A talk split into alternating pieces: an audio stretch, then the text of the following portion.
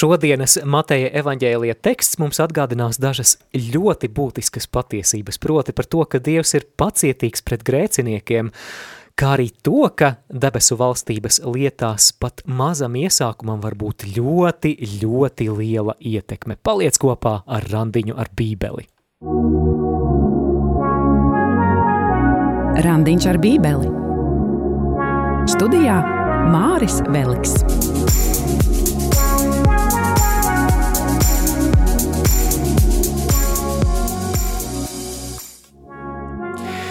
Esiet sveicināti, darbie Bībeles draugi. Mēs šodien turpināsim studēt Mateja evaņģēlija 13. nodaļu, un ne tikai Māris Veliks šeit studijā, bet arī Arī Olga Dadeka.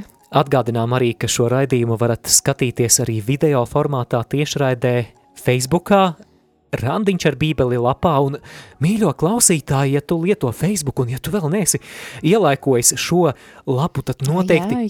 izdari to tagad uh, tuvākās minūtes laikā, labi, un ielaikojiet arī ielieciet kādu sirsniņu, kādu komentāru, un vēl, vēl labāk, ja jūs padosiet tālāk, ja jūs nošērosiet šo raidījumu, protams, ja jūs to atzīstat par vērtīgu, bet tas mums palīdzēs, kā radio Marija kopienai, veikt to evanģelizācijas misiju, kas mums ir uzticēta, tādēļ no sirds pateicamies ikvienam, kas šo un citus radio raidījumus padoda tālāk, lai aizsniegtu tos cilvēkus, kur šobrīd radio Marija vēl radio viļņos neskan.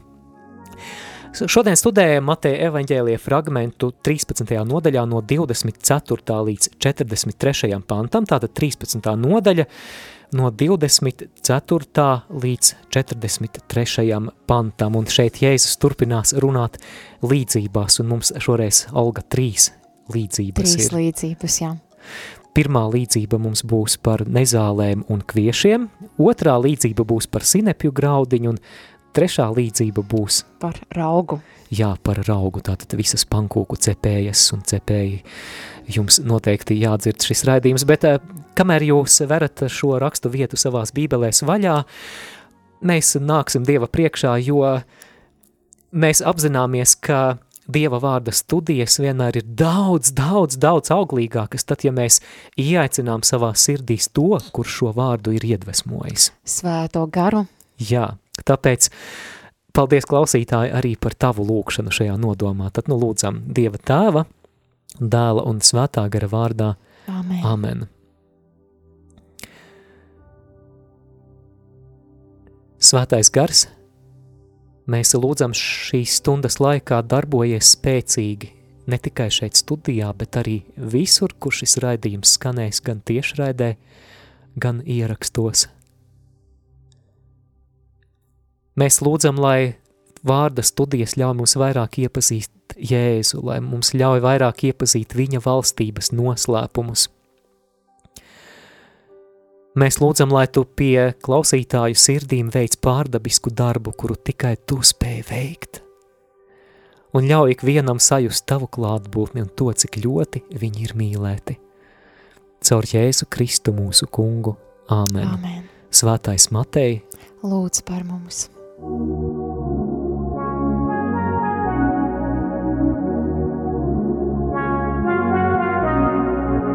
Uzmanību! Raidījums vedot klausītāju pa Bībeles dzīļu aizraujošajiem līkločiem, kur iespējams vēl nekad nav būts. Var izraisīt nopietnu atkarību no privāta randiņa ar svētajiem rakstiem ikdienā.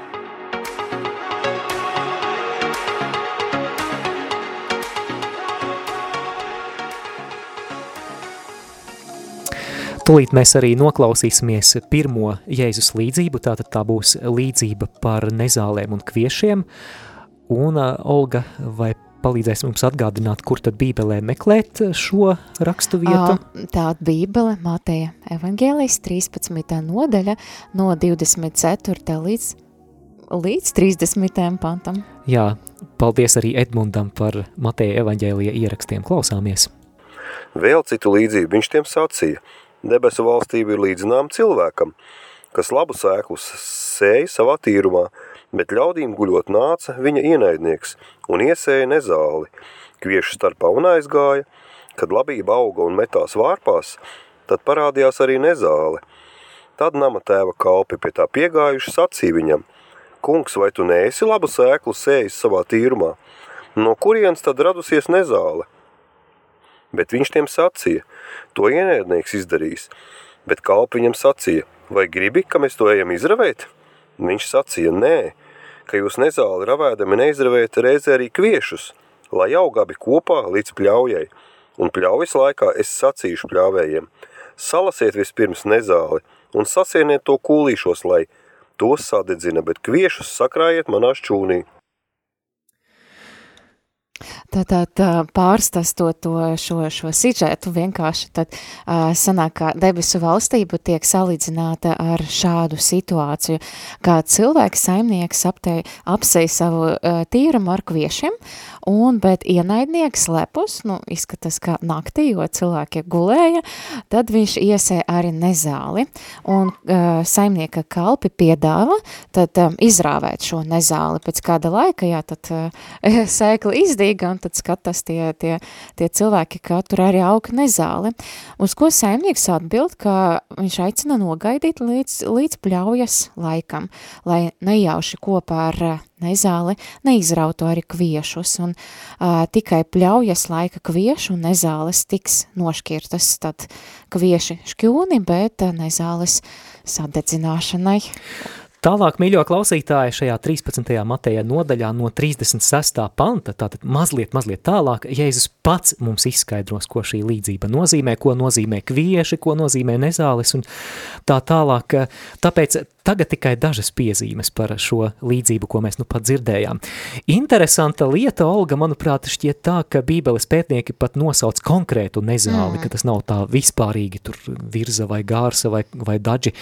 Uh, Bībeles komentētāji uzskata, ka nezāle šajā līdzībā visdrīzāk ir reibuma airene. Interesants nosaukums. Tādu nebiju dzirdējusi, kaut kas ļoti reibinoši. Jā, biologiem noteikti interesēs arī latīniskais nosaukums lolium temulencium. Un lūk daži fakti par reibuma aireni no Latvijas daba.lv. Tātad raibuma, ne, reibuma aireni ir viengadīgs, vidējs vai liels, garumā no 30 līdz 90 centimetriem, graudzāļu dzimtas lakstauks. Un, jā, šim augam ir arī asa raupja izlocīta vārpa, un līdz ar to tad arī līdzība ar kviešiem. Vairāk izplatīta vidusjūras reģiona zemēs Latvijā interesanti, ka ļoti rets un pat izzūdošs. Paldies augs. Dievam! Jā, savukārt par biotopiem runājot, tātad, kur mēs to varam atrast. Un, un interesanti, atceraties, kur tad uh, līdzībā, kādā kontekstā šīs nezāles augas starp kviešiem, tātad mm. labībā, un arī šajā portālā Latvijas dabēlv rakstīts, ka tie aug labības sējumos, Arī nezālienēs un gar dzelzceļiem. Nu, līdzībā mm. par nezālieniem un dzelzceļiem nekas nebija minēts, bet par labības sējumiem gan. Un pie īpašajām norādēm, kas, manuprāt, ir arī ļoti simboliski dziļi un būtiski, ka tas ir indīgs augs. Ai, ai, ļoti slikti. Bet arī cita komentāra uh, varam lasīt, ka uh, šī reibuma airenes sakne savies ar labību, un tādēļ grūti nošķirt, grūti tā kā izraut tāda veida, lai neizraut arī kviešas labību. Tā, tā savijušas. Jā, savijušas, saknes. nevar zināt, cik daudz arī, man arī, man liekas, bija gadījies, kad es kaut ko ravēju vai, vai bietas vai, vai burkānus, nu, netīšam tad sanāk izrāvēt. Bet, nu, arī, arī pēc izskatā arī atgādina kviešus, un tāpēc arī tīruma saimnieks, nu, visdrīzāk kalpu satur no, no ravēšanas aizrādot, ka, ka tad var izrāvēt arī kopā ar to arī kviešus, ar to nezāli. Bet, lai arī visādā ziņā ļoti neiedzīgs augs, kā mēs dzirdējām, tā ir nezāle, ka tas ir indīgs augs, mm. bet nu viens labums no tā auga gan bija, ka sausā veidā to varēja izmantot kā kurināmo, tāpēc arī līdzībā par pļaujas laiku ir teikts salasiet pa priekš nezāli un sasieniet to kūlīšos, lai to sadedzina tātad kurināmajam gan der. Nu, uzreiz pēc šīs līdzības tad seko arī Bībele jau divas līdzības, ja mēs lasam Bībeli, jā, un tad, tad par sinēpju graudiņu un par raugu arī, kas tiek salīdzinātas ar debes, debesu valstību. Bet šo divu minēto līdzību skaidrojumu mēs klausītāji atliksim mazliet uz vēlāku laiku, jo Vispirms es domāju, lai mēs pabeigtu skaidrot līdzību par kviešiem un par nezāli, mēs pārleksim tagad uz 13.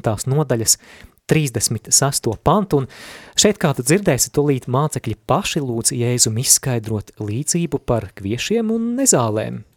Tad Jēzus atstāja ļauts un nāca uz mājām. Un viņa mācekļi pie viņa piegāja sacīdami, izskaidro mums līdzību par tīruma nezālēm.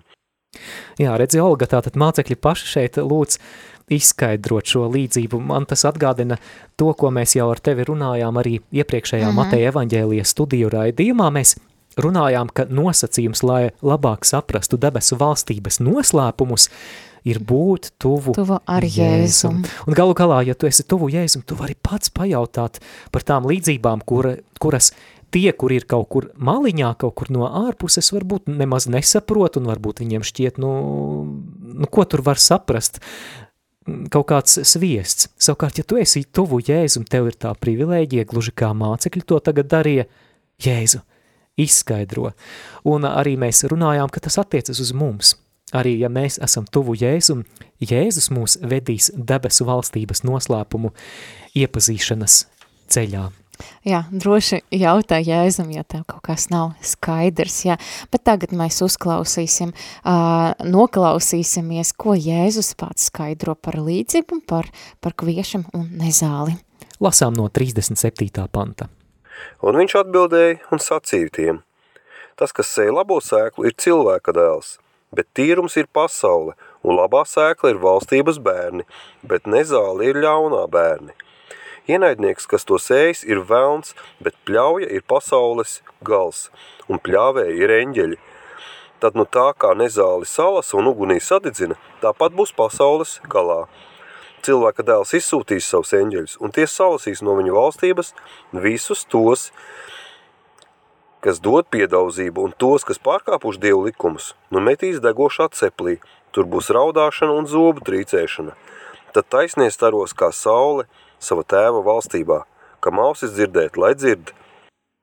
Kā mausi dzirdēt, tā, tas, lai dzird. Tad īsumā, kas ir kas? Tad, kurš sēja labo sēklu, ir kas? Tas ir cilvēka dēls, Jēzus Kristus.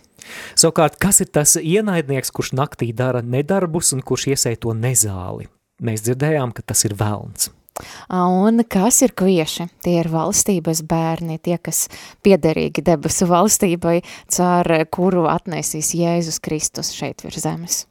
Labi, kas ir tā reibuma airenība, kas ir nezāles šajā līdzībā? Tie ir ļaunā bērni. Un pļaujas laiks, tas ir pasaulēs gals. Kas ir tie pļāvēji, kurus saimnieks izsūta pļaut? Tie ir eņģeļi. Un ļauna bērni pasaules gala tiek nošķirti no valstības bērniem un tiek mesti degošajā ceplī. Nu, šeit mēs varam runāt par to, par Elis liesmam, un savukārt taisnī būs staros, kā saule sava tēva valstība.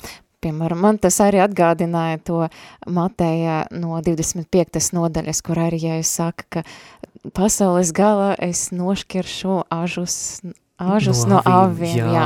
pareizi. Nu, jā, nu, ir kaut kāda paralēlē arī car, starp kviešiem un nezālem, tā kā tā. Savukārt, kāda ir šīs eh, līdzības galvenā doma, kāda ir tā būtība? Tātad, lai arī valstība ar Jēzus atnākšanu ir iesākusies, atcerēsimies, ka Jēzus sludina debesu valstība ir tuvu klāt pienākusi. Tad taisnīgajiem un ļaunajiem ir jāsadzīvo līdzās līdz pēdējai tiesai.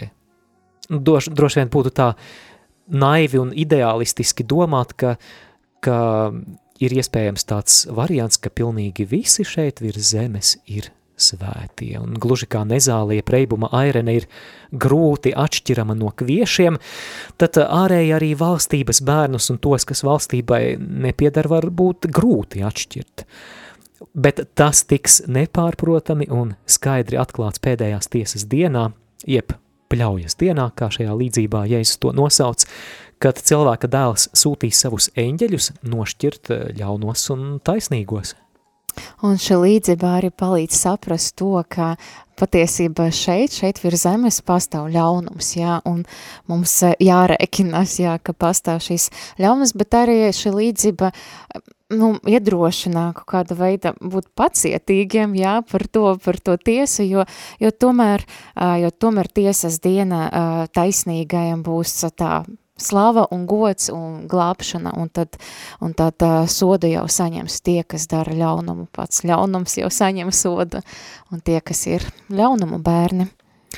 Un ir vēl viena svarīga doma šajā līdzībā. Dievs ir pacietīgs ar grēciniekiem. Tā, tiem, kuri tikko ir jau iesnaudušies. Mm. Jā, vēlreiz. Dievs ir pacietīgs ar grēciniekiem. Ko tas nozīmē no grēcinieku perspektīvas? Ko tas grēciniekam nozīmē? Tā ir Dieva dota iespēja atgriezties.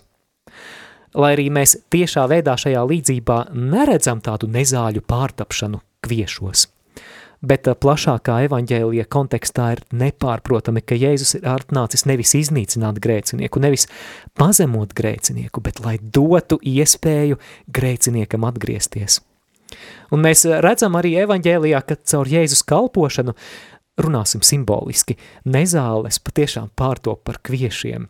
Pie Jēzus nāk muitnieki un grēcinieki prostitūtas, un viņu dzīves tiek radikāli, radikāli izmainītas, un ja tu, klausītāji, esi ieslēdzis šo dīvaino radiostaciju vai kaut kādā mistiskā veidā šis raidījums tevi ir sasniedzis sociālajos tīklos, un ja tu zini, un, un tu zini, tu varbūt mēģini apslāpēt to domu, bet, bet tu zini, ka tu šobrīd no Dieva esi tālu. Tu zini, ka tu esi līdz ausīm iestidzis purvā, zini, ka Dievs ar tevi ir pacietīgs un ka viņš tev dot jaunu iespēju. Dievs ir sūtījis savu dēlu Jēzu nevis, lai viņš tevi pazemotu, viņš ir pacietīgs, viņš, viņš vēlas tev dot kaut ko daudz, daudz, daudz labāku – uzticies viņam. Tieši tā, un piemēram, arī mēs skatāmies kādus piemērus no, no Bībeles, no evangēlija, tas pats Mātejs, kurš, kurš uzrakstīja šo evangēliju, viņš arī viņš bija uh, iepriekš, tā kā, nu, uh, nu, var teikt, ļaunuma bērns, viņš sadarbojas ar opozīciju no jūdu perspektīvas, nu, viņš tāds ļaun, ļaunuma, mm. ļaunuma bērns, ne jau kā... Muitniekus neieredzēja. Muitniekus neieredzēja. Bija pamats arī. Bija pamats, jo, jā, bija, bija, bija apspiesta viņa tauta, bet Jēzus viņu neizrāva iepriekš, nu, tā kā priekšlaicīgi viņš ļāva viņam būt, un tomēr īstajā laika tad aicināja Matēju, un tad viņš kļuva kļuva par debesu valstības, par evangēlijas sludināšanas instrumentu, un pateicoties viņam, mēs arī lāsam šo līdzību. Arī ļoti spilgs uh, piemērs ir Sauls, kas bija uh, kas bija izcils farizējs, izcils rakstu zinātais, bet arī patiesība kristiešu pretinieks un vajātais. Un Jā, mēs... pēc, pēc tādas cilvēciskas loģikas mums bieži vien patīk kaut ko tiesāt un norādīt, nu tad, oh jā, Sauls būtu viens no tiem, kas pieder nezālēm, un viņš tūdaļ būtu jāizrā, jāizravē Dievam, bet ja Dievs viņu būtu priekšlaicīgi izravējis? Nu, tad nebūtu tās sludināšanas pagānu tautam, jo Sauls arī daudz, daudz sludināja pagānu tautam un arī Roma, un līdz ar to, pateicoties viņam, arī uh, savukārt mēs arī kaut kāda veida saņem to žēlistību un ticību, jā, ka viņš nesa pagānu tautam, un tad evaņģēlis izplatījies tālāk. Jā, un iedomājies, Olga, skaitliski arī lielāko jaunās derības grāmatu daļu ir uzrakstījis tieši šis Sauls, jeb vēlāk, ko mēs pazīstam kā apustuli Pāvilu, un, un kāpēc? Tāpēc, ka Dievs ar viņu bija pacietīgs. pacietīgs jā. Dievs sagaidīja to brīdi, kad šī nezāle, es to lietoju pēdiņās, kļuva par kviesi. Tieši tā. Jā, vai piemēram apustulis Pēteris, mēs zinām, ka jā, viņš tāds impulsīvs, it kā drosmīgs, viņš saka Jēzum, ka es tevi nekad neaizliekšu, un tad pienāk lielā piekdiena, un kāda kalpone norāda, ā, tu biji arī ar Jēzu, un Pēteris saka, nē, ko tu saki, es viņu nepazīstu. Trīs reizes Pēteris noliec, un uh, Dievs varētu it kā pilnīgi taisnīgi viņu tūdaļ pat izravēt, bet viņš to nedara. Kāpēc? Viņš gaida to brīdi, kad Pēterim patiešām nožēlojot grēkus tās asaras ritēs pār vaigiem un, un viņš tos jaunu iespēju. Jēzus viņam teiks, Pēteri, vai tu mani mīli? Nu, trīs reizes viņš apliecinās, un, un kas būtu bijis, ja Pēteris būtu izravēts um, priekšlaicīgi. Jā, mums arī pēc mūsu pieredzes arī Dievs mums deva jaunas un jaunas iespējas atgriezties, un viņš bija pacietīgs ar mums katru, un tad, es domāju, ar tevi arī klausītājs noteikti, tu, tu vari liecināt par to, cik Dievs bija pacietīgs ar tevi. Kā dzirdētais attiecas uz manu dzīvi?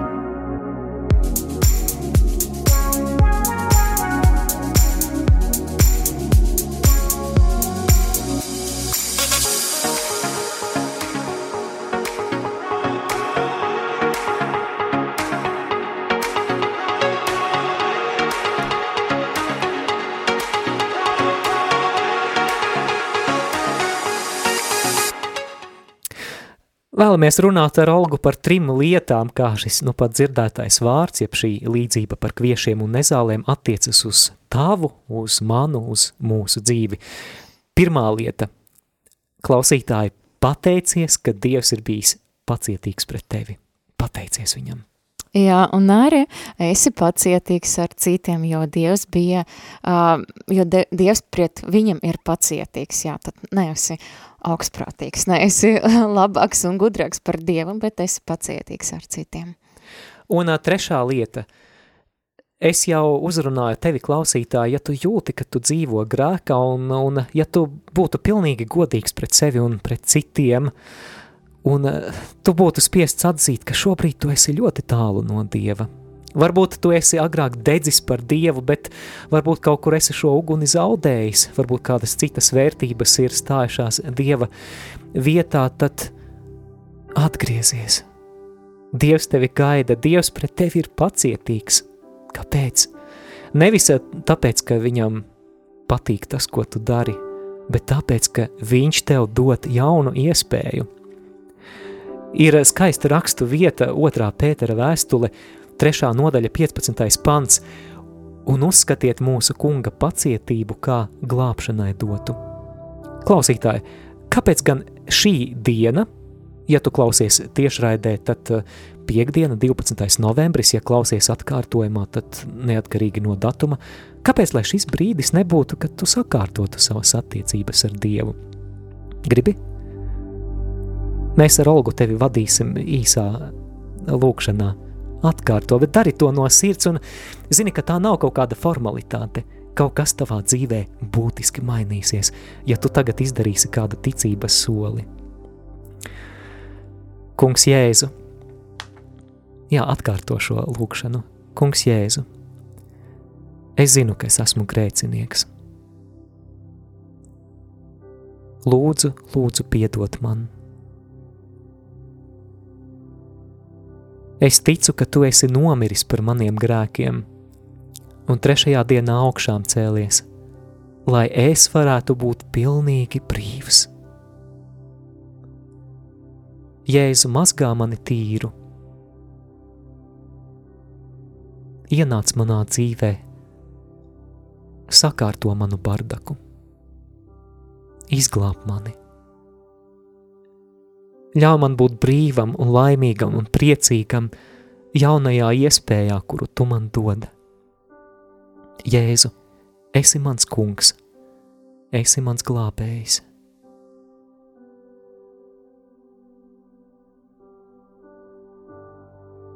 Un piepildi mani ar svēto garu. Āmen!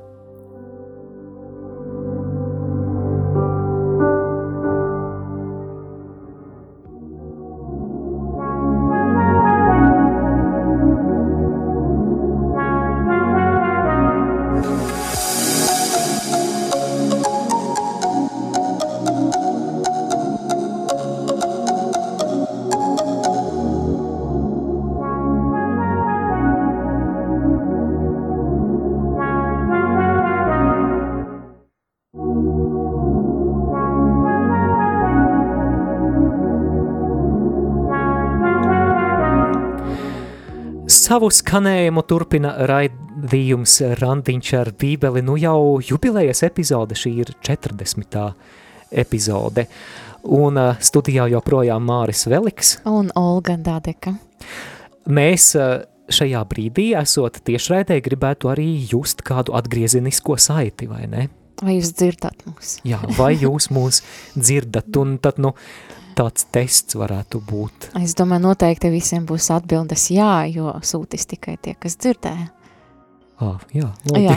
loģiski. Bet jā, jūs nedzirdat šo raidījumu, sūtiet, nē. Jā, Loks. varbūt jums ir kādi komentāri, kādi jautājumi, bet mums ir jautājums tev. Tu klausies šo raidījumu un noteikti ir kāda viena doma, kas varbūt tev šķiet svarīga, kuru tu gribētu no šī raidījuma paņemt, un mēs priecāsimies, ja tu to atsūtīsi īziņas vai WhatsApp ziņas veidā uz 266 77 272. Tad beigās, manuprāt, sanāks tāds labs rezumējums par to, kas cilvēkus ir uzrunājis, un varbūt, ka tas, kas tevi ir uzrunājis, uzrunās arī kādu citu. Savukārt studijas tālrunis, ja vēlies mūs sazvanīt, ir 679 969 131. Tūlīt turpināsim. Iesaisties ēterā, zvanot uz studijas tālruni 67 969 131 vai rakstot īsiņu uz numuru 266, 77, 272. Izmanto arī e-pasta iespēju Studija at rml.lv.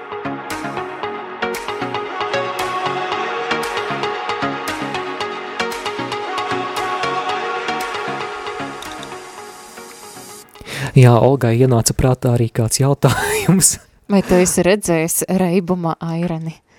Jā, un, un ja, ja tu pazīsti, kā tā reibuma airene izskatās, tad vari arī pakomentēt, vai patiešām ir kaut kāda vismaz minimāla līdzība ar kviešiem, bet mums ir zvans ēterā, lūdzu. Nu, lai būtu slavēts Jēzus Kristus. Mūžīgi mūžam slavēts. Nu, es tā klausos, klausos, un man viss tā patīk, kad es nezinu, cik jums pateicīgi varbūt par šito rādījumu, es nezinu, vispār paldies, paldies, Mārīt un Olga, jums par šito te visu. Man viss uzrunā, un tā kā grēcinies, es jau klausos un lūdzos, arī lūkšaņu arī klausos, lūdzos jums par visu. Paldies jums! Paldies, Rekā, Valentīnu viss uzrunā, un paldies jums. Tad, jā, cerams, ka arī citi, raid, citi raidījuma klausītāji sekos jūsu priekšzīmei, un iesaistīsies ēterā, arī tu vari piezvanīt uz studiju vai, vai arī uzraksti, jo es zinu, ka kādiem vieglāk ir rakstīt, kādiem ir vieglāk Introvertiem. zvanīt, jā, introverti, ekstraverti. Jā, bet mēs tad turpinām studēt Mateja evaņģēlie 13. nodaļu un pārceļamies uz 31. pantu. Mēs tulīt arī lasīsim vēl divas īsas līdzības par augšanu, un tad no arī līdzība par sinepju graudiņu jūsu uzmanībai no 31. panta. Vēl citu līdzību viņš tiem sacīja. Debesu valstība līdzīga sinepu graudiņam, ko kāds cilvēks ņēma un iesēja savā tīrumā. Šī ir gan mazākā no visām sēklām, bet kad tā izaug, tad tā ir lielāka par visiem dārza stādiem un top par koku, tā ka debesu putni nāk un taisa ligzdas viņa zaros. Jā, te mēs dzirdējām par kontrastu starp mazu sēkliņu un lielu krūmu, kas no šīs sēkliņas izauga.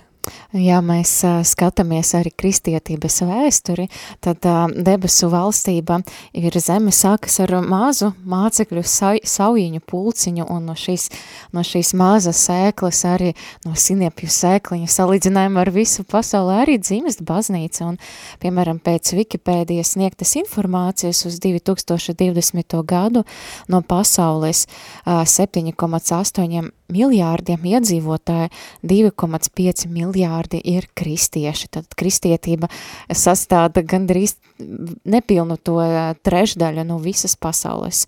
Un arī skaitas, ka viena skaitas lielākā reliģija pasaulē. Un es arī atceros, man iepriekšējā darba uzdāvināja kādu grāmatu, ko uzrakstīja kāds ateists. Nu, es neteikšu, kura grāmata īstenībā man nevisai patika, bet tur arī tas ateists, ka rakstot, aprakstot cilvēces vēsturi, apmēram tā izteicas, ka viņš pats apbrīnoja kristietību, kaut gan viņam tā attieksme bija tāda neitrāli negatīva, es tā teikta, bet viņš apbrīnoja, kā tā tik maziņa jūdu sekta, ko viņš tā nosaucē, mēs to sauksim pēdiņas, ja varēja, varēja pārņemt uh, visu pasauli gandrīz, un tāda tik liela ietekme tam, tam bija. Pat, pat neticīgie cilvēki viņa to abrīno. Jā, iespaidīgi vai nesākumā 12 apustuļi, tad, tad lielāks pulciņš, un tagad visos kontinentos baznīca, kristieši. Jā, bet eh, interesanti arī, ka Bībeles pētnieki, Bībeles komentētāji uzskata, ka šajā līdzībā par krūmu, kurš izaug no sinepju graudiņa, ir arī netiešas atsauces uz dažām vecās derības rakstu vietām, jo līdzīga metafora ir arī vecajā derībā izmantot ar to, salīdzinot dažādas impērijas, dažādas lielas valstis, tās ir attēlotas kā koks. Un, piemēram, Ecehiela grāmatā 17. nodaļā no 22. līdz 24. pantam tieši Izrēļa valsts ir salīdzināta ar koku. Un kas ir interesanti, mēs arī Jēzus līdzībā dzirdējām par tiem putniem, kas taisa līgzdas. Putni šajās vecās derības līdzībās ir simbols tautām, Un ko tas varētu mm. nozīmēt šajā līdzībā ar sinepju graudiņu, no kā izaug koks? Šī Jēzus līdzība ir arī norāde uz to, ka viņa valstībā patvērumu atradīs dažādas tautas. Pateicība Dievam, vai ne? Ka klausītāji neatkarīgi no tā, vai tu esi latvietis, vai krievs, vai ukrainis, vai baltkrievs, vai polis, vai, vai jūts, ka Durvis uz debesu valstību ir atvērtas ikvienam, un es vēl atgādināšu arī, ka šī evaņģēlija pasludināšana citām tautām ir viens no motīviem, kas vies cauri visam Mateja evaņģēlijam. Piemēram, kulminācija noslēgumā 28. nodaļā Jēzus lielā pavēle ejiet un dariet par mācekļiem latviešus. Nē, tur ir teikts visas tautas. Ejiet un dariet par mācekļiem visas tautas. Vēlēs labāk iepazīt svētos rakstus, bet nezini, ar ko sākt? Raidījums Randiņš ar bībeli ir tava bībeles studiju iespēja, dinamiska, mūsdienīga un baznīcai uzticīga. Studē bībeles grāmatas kopā ar savedēju Māri Vēliku.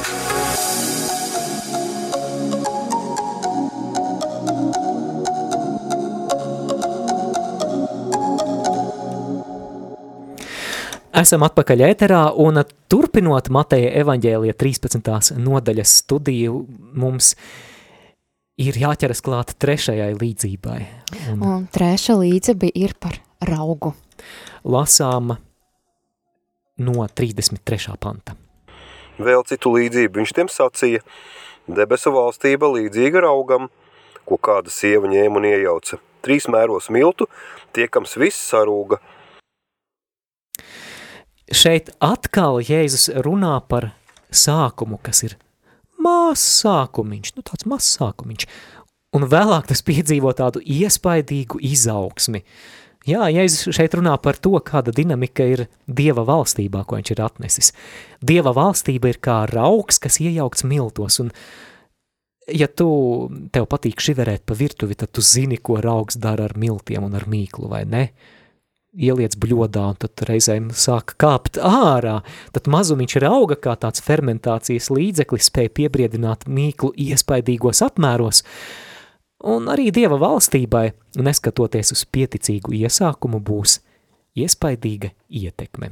Un turpinām lasīt no 34. līdz 35. pantam. To visu Jēzus runāja ļaudīm līdzībās, un bez līdzībām viņš ar tiem nerunāja, lai piepildītos praviešu sacītais vārds – Es atdarīšu savu muti līdzībās. Es pavēstīšu to, kas apslēpts pirms pasaules sākuma. Un atkal mēs redzam, tiek runāt par uh, līdzībām un līdzību izskaidrošanu, un par šo mēs jau bijām runājuši randiņā ar Bībeli 37. epizode, kura saucas vai debesu valstības noslēpumi ir tikai priekš izredzētiem, tātad tā meklēt šo epizodi par to, kādi ir tie nosacījumi, lai Jēzus jums skaidrotu tas līdzības arhīva. Šeit mēs tikai piebildīsim, ka caur šo citātu no vecās derības Matejs atklāja, ka Jēzus runāšana noslēpumos piepilda Dieva plānu jau kopš pirmsākumiem. Šeit Matejs citē no psalmiem, interesanti, no 78. psalma Asafa vārdus. Es atdarīšu savu muti līdzībās un runāšu lietas, kas apslēptas no pasaules iesākuma. Un vēl arī bībeles pētnieki uzskata, ka tā kā 70, 78. psalms ir tāds pārskats par vecās derības pestīšanas vēsturi, iespējams, ka šeit ir arī ietverta doma, ka tieši Jēzus ir tas, kurš Dieva pestīšanas plānu piepilda līdz galam.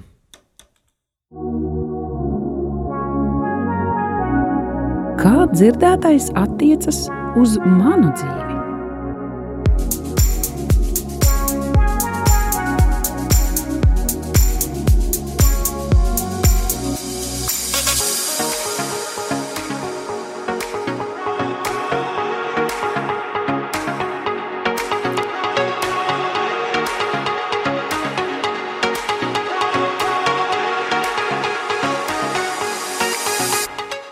Jā, kā dzirdētais par šo sinepju graudiņu un koku, kā dzirdētais par raugu, Raugu.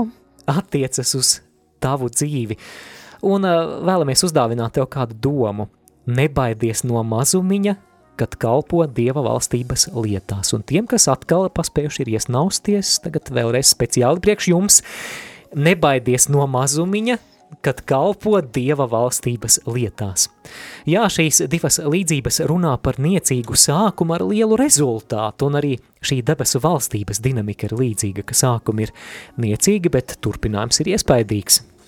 Jā, un runājot arī par, ā, par, šo, par šīm divām līdzībām, mēs to varam domāt ne jau tikai globāli, kur jau es jau mīnēju par kristietības vēsturi, bet arī, bet arī par ā, mūsu, par mūsu dzīvem, par mūsu ietekmi, debesu valstības lietas, un šeit runā, jā, par to mazumiņu, jā, piemēram, sinēpju graudiņš, ka tas var būt mazas lietas, ko mēs varētu sākt da darīt, Un, un man liekas, jā, ka nav jābaidās. Liekas, ka varbūt attur tās domas, nu, ko es darīšu. Es neesmu apustulis, Pāvils vai Pēteris. Ko es darīšu? Es tikai tur nezinu, kaut ko puķis kaut kādas nesīšu uz baznīcu vai ko, bet sāc ar mazumiņu. Un tās mazas lietas nav tādas mazvērtīgas, bet arī runājot par, šām, par, šā, par šīm līdzībām, jā, arī nāk prātā arī tas, ka, piemēram, arī tu runāji par raugu. Man personīgi nepatīk izmantot raugu, man patīk, jo cepamais pulveris, jā, jo ar to cepumu pulveri tad tas rezultāts ir uzreiz, bet ar raugu tās paņem laiku, un tur vajag Mm, būt pacietīgam. jā. Jā, un man liekas, arī, arī tas arī parāda uz to, ka varbūt uzreiz nav tie augļi, uzreiz nav, nezinu, milzīga kalpošana vai nu uzreiz nav piemēram, sējos vārdu slavēšanu, uzreiz nav pilna baznīca vai kā, bet ir svarīga tā pacietība arī līdzīgi kā arī sinepju graudiņu. Nu, tas krūms vai koks jau neizaug uzreiz pēc, Jā. pēc iestādīšanas. Un varbūt tā, tādās cilvēciskās mērvienībās var pat kāda lieta joprojām arī palikt maza. Piemēram, man nāk prātā tā līdzība, kur atraitne iemet tikai divas monētiņas. Viņa iemet maz, ja mēs salīdzinām ar citu cilvēku devumu, bet tas, ko viņa ir devusi, ir lielas dieva priekšā. Vai cits praktisks pie, piemērs, piemēram, tu klausītāji varbūt vadi mazu lūkšanu grupiņu, tur ir kādi 3-4 cilvēki, bet zini, ka Dievs var radīt vilnīšu efektu, jo galu galā cilvēki saņem šajā lūkšanu vakarā, saņem Dieva vārdu, saņem spēku, svaidījumu, un viņa tālāk ietekmē citus varbūt pat neapzināti, varbūt darba vietās, un tad tā ietekmē tādā neredzamā, bet jūtamā un reālā veidā izplatās tālāk. Jā, un arī runājot par um, Mateja evangēlija, vai- vai evangēlija 13. nodaļu, kur tāds motīvs ir sējais un grauds, nevar paiet garam tādai kalpošanai kā evangelizācijai. Piemēram, varbūt tu klausītāji, varbūt jūties, ka iedrošināts, ka tu vari, tu vari sēt to sēklu, tu vari stāstīt citiem cilvēkiem par, par debesu valstību, par Dievu, varbūt vienkārši aicināt cilvēkus, nu, varbūt tā pēc pandēmijas vai kā, bet vienkārši varbūt arī uz kādu pasākumu Zooma, kaut kāda platforma attālināta. Dažreiz vienkārši pietiek ar to, kā paaicināt cilvēku uz kādu kristīgu pasākumu. Varbūt tieši tev tas aicinājums ir uz to evangelizāciju un tie, tie augļi, tie rezultāti, man, kas, nu, varbūt tikai laiku beigas mēs redzēsim, jā, kā, bet tu ar šo kalpošanu var ietekmēt cilvēka dzīvi, pestīšanu. Es vēlos padalīties ar klausītājiem, Olgai, es jau stāstīju, es šodien evanģelizēju ļoti dīvainos apstākļos. Jā, varbūt esat dzirdējuši par tiem krāpniekiem, kas zvana uz jūsu telefonu un izliekas par bankas darbiniekiem un mēģina tad no jums izkrāpt arī jūsu bankas rekvizītus un visu pieejai nepieciešamo informāciju. Un man vakar zvanīja, um, krievu valodā mani uzrunāja, bet es tā principiāli latviski atbildēju un vienkārši nolika klausuli. Tad es vēlāk aizdomājos, ai, vajadzēja krieviski runāt, es viņam taču evaņģēliju varēju pasludināt. Un kas ir interesanti, ka šodien, kamēr es strādāju pa dienu, man zvana kāds cits nepazīstams numurs, es paceļu klausuli, un tur arī krieviski uzrunā, izliekās par bankas darbinieku, un šoreiz man jau plāns bija skaidrs, šoreiz es turpināju runāt krieviski, un jā, un, un es šai sievietei, kas mani sazvanīja, saku tā, ka vai zināt, ka Dievs jūs ļoti mīl, Vai zināt, ka Jēzus ir nomiris par jūsu grēkiem un ka viņš var piedot jūsu grēkus, un jūs varat būt vienotībā ar Dievu? Viņa pateica, spasība s Bogam, un pīp, pīp, pīp, pīp, nolika klausuli. Bet, nu, jā, es, es nezinu, ko tā mazā sēkliņa var izdarīt tālāk. Nāc svētais gars pār viņiem, pār visiem, kas lī, ar līdzīgām lietām nodarbojās. Mēs varētu tādu akciju uztaisīt. Jā, jums zvana skemeris, tad sludiniet viņam par, jā. par Jēzu, par Dievu un par, par piedošanu, jā. Un man tā iepatikās, Olga, ka es gribētu, lai man katru dienu viņi zvana. Jā. Tas gan būtu interesanti, bet es domāju, tas gan būtu interesanti, ja viņi tiešām sāktu zvanīt un visi kristieši sāktu viņus evangelizēt. Tas gan oh, būtu ļoti tas spēcīgi. Tas būtu spēks, jā, tā, tā būtu atmodas pazīme, bet jā, tātad klausītāji, ja tu saņem šādu zvanu, tad nedod savas, savus bankas datus, bet pasludini evaņģēliju, dot viņiem evaņģēliju. Tieši tā. Jā, vai varbūt tu, piemēram, vadi svētdienas skolu, šķiet kaut kas varbūt tāds mazs, varbūt maz ir to bērnu, un, bet patiesībā tu liec pamatus cilvēku attiecībām ar Dievu. Arī kā mazs sākumiņš, un tu pat nevar iedomāties, kāda ietekme tam vēlāk būs. Galu galā tu gatavo šos cilvēkus mūžībai, un varbūt arī vēlāk viņi vadīs ticībā savus bērnus un bērnu bērnus. Jā, varbūt tā, tu vādi rožu kroni savu draudze, un uh, man liekas, tik daudz var izlūgt caur rožu kronu, un tikai debesīs, tikai debesis mēs uzzināsim, kas bija tieši izlūgts, bet varbūt arī tu vadi kalpošanu, var, varbūt vadi uh, rožu kroni radiem arī Latvija, un mēs arī aicinām vadīt uh, rožu kroni radiem arī Latvija, un es, ka bijusi brīvprātīga, es, es pati ļoti daudz ko saņēmu no tās kalpošanas, arī dzirdēju pēc tam satiekot vai dzirdot no tiem cilvēkiem, kas zvanīja uz roža kroņa, kādi, kādi bija tie augļi, un tas bija tā pārsteidzoši. Tad no doma, kuru mēs vēlamies kā ceļa maizi tev beigās novēlēt, nebaidies no mazumiņa, kad kalpo Dieva valstības lietās.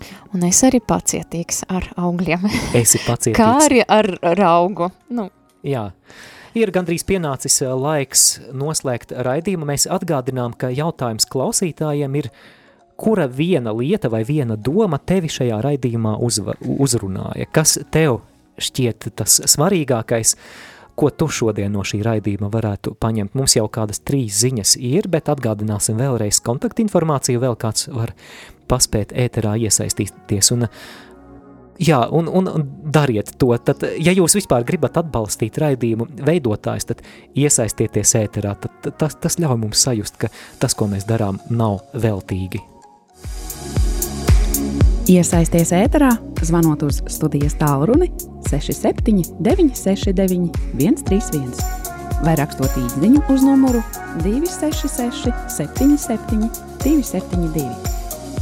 Izmanto arī e-pasta iespēju Studija at rml.lv.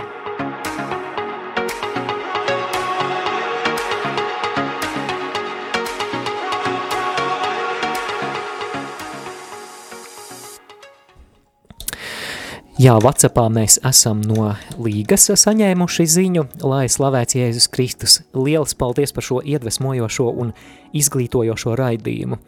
Šajā reizē ir jautājums, vai esmu kviesis vai nezāli.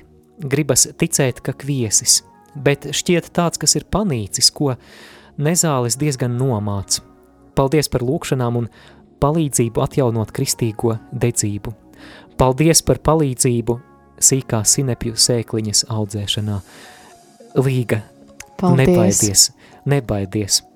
Eh, Ja man šķiet, ka nezāle neuzdod šādus jautājumus, vai ne? Tieši tā. Jā, tā pat, pat tad, ja mūsu kristīgā dzīve nekad nebūs tāda perfekta šeit virs zemes, un vienmēr mēs klubdami, krizdami caur krūmiem, iesim uz priekšu, tas, tas nav, nav iemesls, jā, mums nav jābūt kaut kādiem supervaroņiem. Man šķiet, ka tā evaņģēlija, tas skaistums un spēks ir tas, ka mēs varam Dieva priekšā būt pilnīgi nabagi vienkārši. Te no es esmu, tāds es esmu, bet Dievs, es tevi gribu. Tad nākamais ā, ziņas izlasīšu arī, kāds pateicas par lūkšanu, skaistu un spēcīga lūkšana, paldies, un vēl viena ziņa no Ivetas, lai slavēts Jēzus Kristus, ļoti brīnišķīgs raidījums, kura iespēja esmu sākusi apgūt bībeli, līdz šim tikai un daudz par māsu lasīju, tagad arī apgūstu un lasu vairāk. Paldies, Māri un Olga, liels paldies Iveta. Pateicība, Dievam. Pateicība Dievam. Jā, tāds arī ir šī raidījuma mērķis iedvesmot lasīt bībeli. Jā, kā arī bībeles lasīšana ir ļoti interesanta. Jā, un par bībeles lasīšanu runājot, lai gan um, jaunais gads vēl šķiet nav ļoti tuvu, bet tālu arī nav. Un mēs vēlamies jau mazliet, mazliet sēt tādu sēkliņu tavās domās, jo jaunais gads ir tas brīdis, kad mēs izdarām kādas apņemšanās. Un uh, mēs par to vēl runāsim turpmākajos raidījumos arī, kā mēs praktiski to varam darīt, bet es vēlos jau tagad dot tādu iedvesmu, tādu ideju, ka 2022. gads būs tavs bībeles gads. Jā? Tātad 2022. gads būs tavs bībeles gads. Jā, tu, protams, vari apņemties arī sportot un lieko svaru mest vai angļu valodu mācīties, bet iekļauj arī šo. Iekļauj arī šo. Jā, tad, lai šī doma paliek tevī un lūdz Dievu, vai, vai patiešām viņš tevi aicina uz to, un, un kādā veidā, tad cik tu varētu apņemties, varbūt tikai dažus pantus, bet katru dienu lasīt.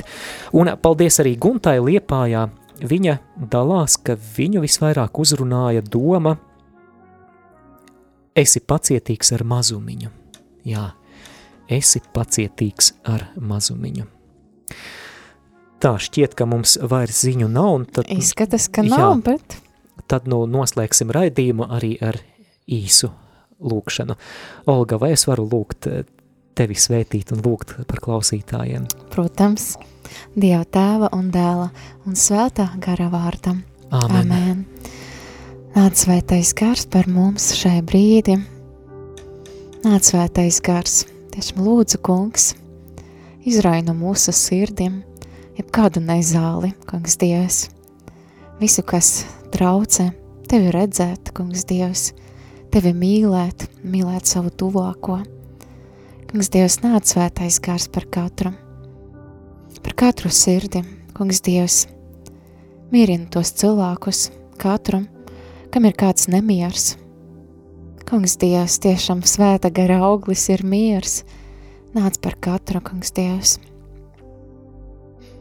Jā, kungs Dievs, pārveido, pārveido mūs par īstiem kviešiem, kungs Dievs, ka mūsos nav nekā no nezālēm, kungs Dievs, ka, mie, ka mēs savu dzīvi pagodinam Tevi, kungs Dievs, ka mēs esam tieši valstības bērni, kungs Dievs, un ja ir kāds grēks, kungs Dievs, ja kāda nepilnība, lai tā, lai tas neļauj, neliek mums krīst izmīsuma, kungs Dievs, bet skriet pie Tevis, jo tiešām Tu mazga mūs tīrus, kungs Dievs. Tu mazga tīrus un gaidi katru no mums, ka mīlošais tēvs, kas visu piedod. Kungs Dievs nāc svētais gars, nāc svētais gars, palīdz mums mīlēt bībeli, mīlēt to tavu vārdu ar vienu vairāk, kungs, Dievs. Tiešām pārveido mūsu sirdis, lai mūsu sirdis ir kā Jēzus sirds. To es lūdzu ar Jēzu Kristu, mūsu kungu. Amen. Un es lūdzu arī par, par tiem klausītājiem, kuriem ir arī kādas fiziskas vai, vai garīgas kaitas, kādas slimības. Jēzu Kristu, tu esi tas pats vakar, šodien un mūžīgi. Kungs uzliec tagad savu caurdurto roku tām klausītājām, tiem klausītājiem, kuriem ir kādas fiziskas problēmas. Tu vari uzlikt klausītāju arī roku uz tās vietas, kur tev kaut kas sāp. Tagad Jēzus Kristus vārdā mēs pavēlam šīm slimībām, šīm sāpēm aiziet projām Jēzus Kristus vārdā. Projām jebkāda slimība, kungs, nāc ar savu dzied, dziedināšanu, Jēzu, atjauno veselību. Kungs ļauj sajust tagad savu siltumu, savu dziedinošo svaidījumu, šo klausītāju miesās, sāpošajās vietās, arī kur kādas emocionālas vai psihiskas problēmas ir – nāc ar atjaunošanu. Esi pagodināts Jēzu. To mēs lūdzam tavā svētajā vārdā. Āmen. Amen. Dieva tēva un dēla un svētā gara vārdā. Amen. Amen. Studijā bija Māris Veliks un Olga Dadeka.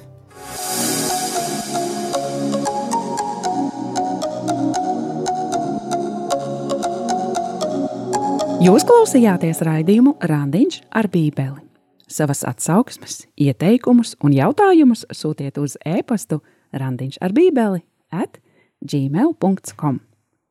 Iepriekšējās raidījuma epizodes aicinām meklēt arhīvā.